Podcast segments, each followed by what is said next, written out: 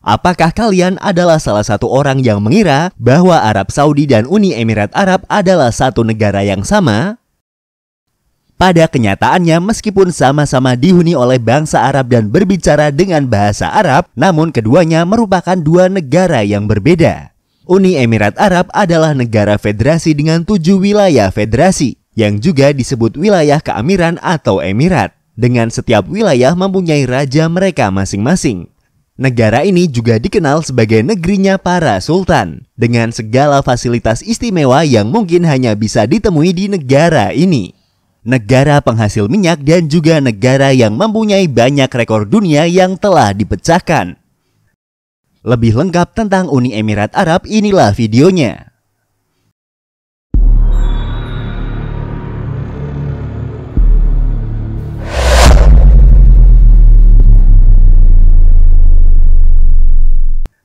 Kembali lagi di channel Invoice Indonesia, channel yang mungkin bisa menambah wawasan dan informasi yang belum kalian ketahui.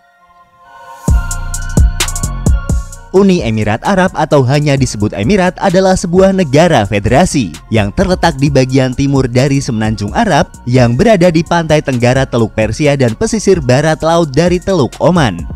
Negara ini merupakan salah satu negara di Asia Barat Uni Emirat Arab berbatasan dengan negara Oman di timur, negara Arab Saudi di bagian selatan dan barat, dan berbagi perbatasan wilayah perairan dengan negara Iran dan Qatar di bagian barat dan utara. Uni Emirat Arab merupakan negara federasi dari tujuh emirat atau wilayah yang dipimpin oleh seorang amir atau emir. Amir atau emir dalam budaya bangsa Arab merupakan sebuah gelar bangsawan yang merujuk pada raja atau bangsawan tinggi atau bisa juga diartikan sebagai pemimpin. Tujuh dari wilayah federasi ini antara lain adalah Dubai, Hujairah, Ajman, Ras Al Khaimah, Sarjah, Um Al Quwain, dan Abu Dhabi yang juga berfungsi sebagai ibu kota negara tersebut. Sistem pemerintahan di negara ini adalah federal monarki konstitusional di mana setiap emirat dipimpin oleh penguasa dan bersama-sama mereka membentuk dewan tertinggi federal atau majelis tertinggi. Majelis tertinggi di negara ini juga bertugas untuk melantik presiden dan wakil presiden di Uni Emirat Arab setiap lima tahun sekali. Uni Emirat Arab mempunyai luas wilayah sekitar 83.600 km persegi dengan jumlah penduduk sebanyak 9.599.353 jiwa di mana sekitar 7,8 juta jiwa di antaranya adalah para pendatang atau orang asing. Agama Islam merupakan agama terbesar di Uni Emirat Arab dengan sekitar 76% dari penduduknya memeluk agama Islam dan agama Islam adalah agama resmi di Uni Emirat Arab. Pemerintah Uni Emirat Arab juga mengikuti kebijakan toleransi terhadap agama lain dan jarang ikut campur dalam kegiatan non-Muslim.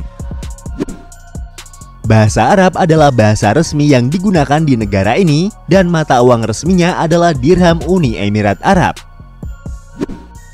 Uni Emirat Arab adalah negara penghasil minyak terbesar ketiga di kawasan Teluk setelah Arab Saudi dan negara Iran. Cadangan minyak di negara ini adalah yang terbesar keenam di dunia dan juga mempunyai cadangan gas alam terbesar ketujuh dunia. Tidak hanya dari minyak dan gas, ekonomi dari negara ini juga dibantu dari sektor pariwisata dan juga bisnis seperti perdagangan karena wilayahnya berada di pusat perdagangan global. Sejarah Uni Emirat Arab Wilayah Uni Emirat sudah dihuni oleh manusia sejak sekitar 125.000 tahun yang lalu. Hal tersebut berdasarkan dari sisa-sisa artefak yang ditemukan di wilayah ini. Orang-orang Magan atau Makan atau juga dikenal sebagai bangsa Sumeria adalah orang-orang yang mendiami wilayah tersebut. Bangsa Sumeria dikenal sebagai salah satu peradaban pertama di dunia, bersama dengan Mesir kuno, Norte Chico, peradaban Minoa, Cina kuno, dan peradaban lembah Indus. Bangsa Sumeria diketahui hidup di sepanjang lembah Tigris dan Eufrat. Mereka dikenal hidup dengan bertani dan bercocok tanam. Penyebaran Islam ke wilayah ini dimulai sekitar abad ke-7 yaitu melalui kedatangan utusan dari Nabi Muhammad SAW pada tahun 630 Masehi atau 9 tahun setelah beliau hijrah dari Mekah ke Madinah. Kedatangan utusan dan surat yang dibawa ini kemudian menarik minat sekelompok penguasa wilayah tersebut untuk melakukan perjalanan ke Madinah dan kemudian mereka masuk Islam. Setelah wafatnya Rasulullah, komunitas Islam baru di selatan Teluk Persia melakukan pemberontakan terhadap para pemimpin muslim. Mereka menyatakan hanya tunduk kepada Rasulullah, tetapi enggan untuk patuh kepada pemimpin lain. Hal ini kemudian menyebabkan Khalifah Abu Bakar mengirimkan pasukannya dari Madinah untuk menyelesaikan masalah di wilayah tersebut. Hal ini pula yang menyebabkan terjadinya perang Rida di kota Diba pada tahun 632 dan tahun 633. Portugis melakukan upaya penaklukan atas wilayah pesisir di negara tersebut sejak awal abad ke-16 dan kemudian mempertahankan pengaruh atas pemukiman pesisir dengan membangun benteng di wilayah tersebut. Ekspansi Portugis ke Samudra Hindia pada abad ke-16 mengikuti rute eksplorasi dari Vasco da Gama yang mengakibatkan banyak dari wilayah pesisir ditinggalkan oleh Portugis.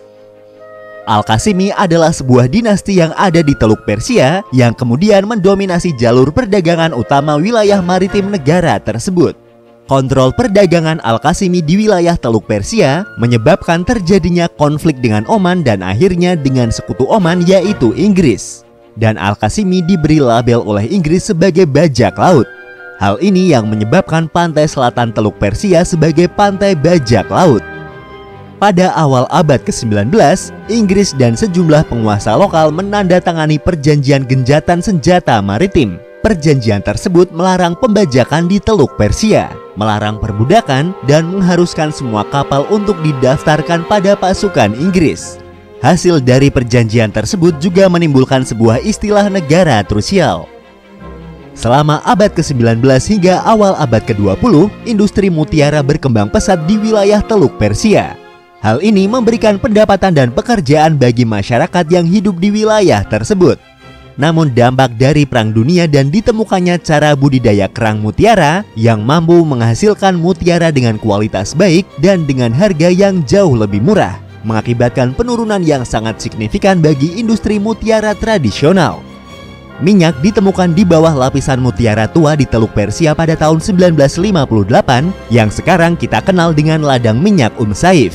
Selain itu, minyak juga ditemukan di padang pasir di Murban pada tahun 1960 kargo minyak mentah pertama diekspor dari Jabal Dana di Emirat Abu Dhabi pada tahun 1962. Dengan ditemukannya ladang minyak pada waktu itu, kemudian meningkatkan kembali ekonomi yang sempat terpuruk. Hal tersebut membuat penguasa Abu Dhabi saat itu yaitu Syekh Zayed bin Sultan Al Nahyan melakukan program pembangunan besar-besaran, membangun perumahan, sekolah, rumah sakit, dan jalan. Hal yang sama juga terjadi di Dubai ketika ekspor minyak dari negara itu dimulai pada tahun 1969. Syekh Rashid bin Said Al Maktum penguasa Dubai saat itu juga menggunakan pendapatan dari minyak buminya untuk meningkatkan kualitas hidup rakyatnya. Wilayah ini menghadapi sejumlah masalah lokal dan regional yang cukup serius. Antara lain ada klaim Iran atas Bahrain dan pulau-pulau lain di Teluk sengketa wilayah antara Qatar dan Bahrain atas Zubara dan Kepulauan Hawar, dan sengketa wilayah sekitar Oasis Buraimi yang belum terselesaikan antara Arab Saudi, Abu Dhabi, dan Oman. Sementara itu pada tahun 1966, pemerintah Inggris tidak lagi mampu untuk mengelola dan melindungi wilayah yang sekarang menjadi Uni Emirat Arab. Pada bulan Januari tahun 1968, Inggris mengakhiri hubungan perjanjian dengan tujuh Sekdam Trusil bersama dengan Qatar dan Bahrain di bawah perlindungan Inggris. Keputusan Inggris untuk mundur ditegaskan kembali pada bulan Maret tahun 1971 oleh Perdana Menteri Inggris Edward Heath. Para penguasa Emirat percaya bahwa kehadiran Inggris di wilayah mereka masih sangat diperlukan sebagai jaminan keamanan kawasan mereka. Pada tanggal 2 Desember tahun 1971, di Dubai Guest House yang sekarang lebih dikenal dengan Union House, enam emirat setuju untuk masuk ke dalam persatuan yang disebut sebagai Uni Emirat Arab.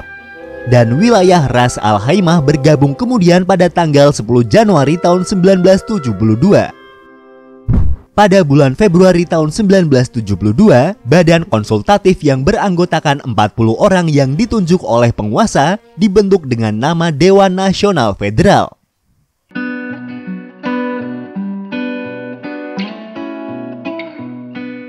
Itulah tadi sedikit ringkasan sejarah tentang berdirinya negara Uni Emirat Arab. Dan untuk lebih mengenal tentang negara ini, berikut adalah 20 fakta tentang negara Uni Emirat Arab. Trucial States atau Trucial Sekdom adalah nama dari negara Uni Emirat Arab, setidaknya hingga tahun 1971. Nama ini adalah nama yang diberikan oleh Inggris untuk wilayah Uni Emirat Arab setelah mereka menandatangani perjanjian perlindungan atau dikenal sebagai gencatan senjata dengan pihak Inggris pada tahun 1820. Bendera dari negara Uni Emirat Arab dirancang oleh Abdullah Muhammad Al-Mainah dari Abu Dhabi dan dirancang pada tahun 1971 saat dia baru berusia 19 tahun. Tema utama dari empat warna bendera adalah persatuan dari negara-negara Arab. Burung falcon atau elang adalah lambang bagi negara Uni Emirat Arab. Hal ini berkaitan dengan budaya dan tradisi dari orang-orang Arab, khususnya Arab Badui yang sudah berlangsung sejak dahulu. Bahkan di negara ini ada paspor khusus untuk burung falcon. Oryx adalah hewan nasional di negara Uni Emirat Arab. Oryx adalah hewan sejenis antelop berukuran sedang dengan benjolan di bahu, mempunyai tanduk yang panjang dan lurus serta ekor yang berumbai. Oryx merupakan hewan endemik gurun dan padang rumput di Jazirah Arab. Dirham adalah mata uang resmi dari negara Uni Emirat Arab. Namun sebelum tahun 1973 ketika masih dikenal dengan Trucial State, negara ini menggunakan Gulf Rupiah sebagai mata uang mereka. Gulf Rupee merupakan mata uang yang dikeluarkan oleh pemerintah India dan digunakan untuk beredar di luar negara India. Penemuan minyak di Uni Emirat Arab pada tahun 1960-an adalah salah satu faktor yang mendorong negara tersebut ke dalam modernisasi dan kerjasama internasional. Namun tidak seperti kebanyakan negara lain, Uni Emirat Arab tetap mengendalikan minyaknya dan memegang monopoli kekuasaan. Uni Emirat Arab memerdekakan diri dari Inggris tanpa melalui jalur kekerasan. Berbeda dengan negara lain yang memperoleh kemerdekaan dari kolonialisasi Inggris melalui perlawanan dan peperangan, negara ini mendapatkan kemerdekaannya dari Inggris yang sudah memerintah sejak awal tahun 1900-an melalui perjanjian damai. Hal ini juga dikarenakan karena pengaruh negara ini atas penemuan minyak mereka. Acman adalah emirat dengan luas wilayah terkecil di Uni Emirat Arab. Wilayah Acman mencakup area dengan luas sekitar 260 km persegi dan merupakan tempat bagi wilayah pantai-pantai yang indah. Di sini juga terdapat Museum Acman yang didirikan di benteng pada abad ke-18.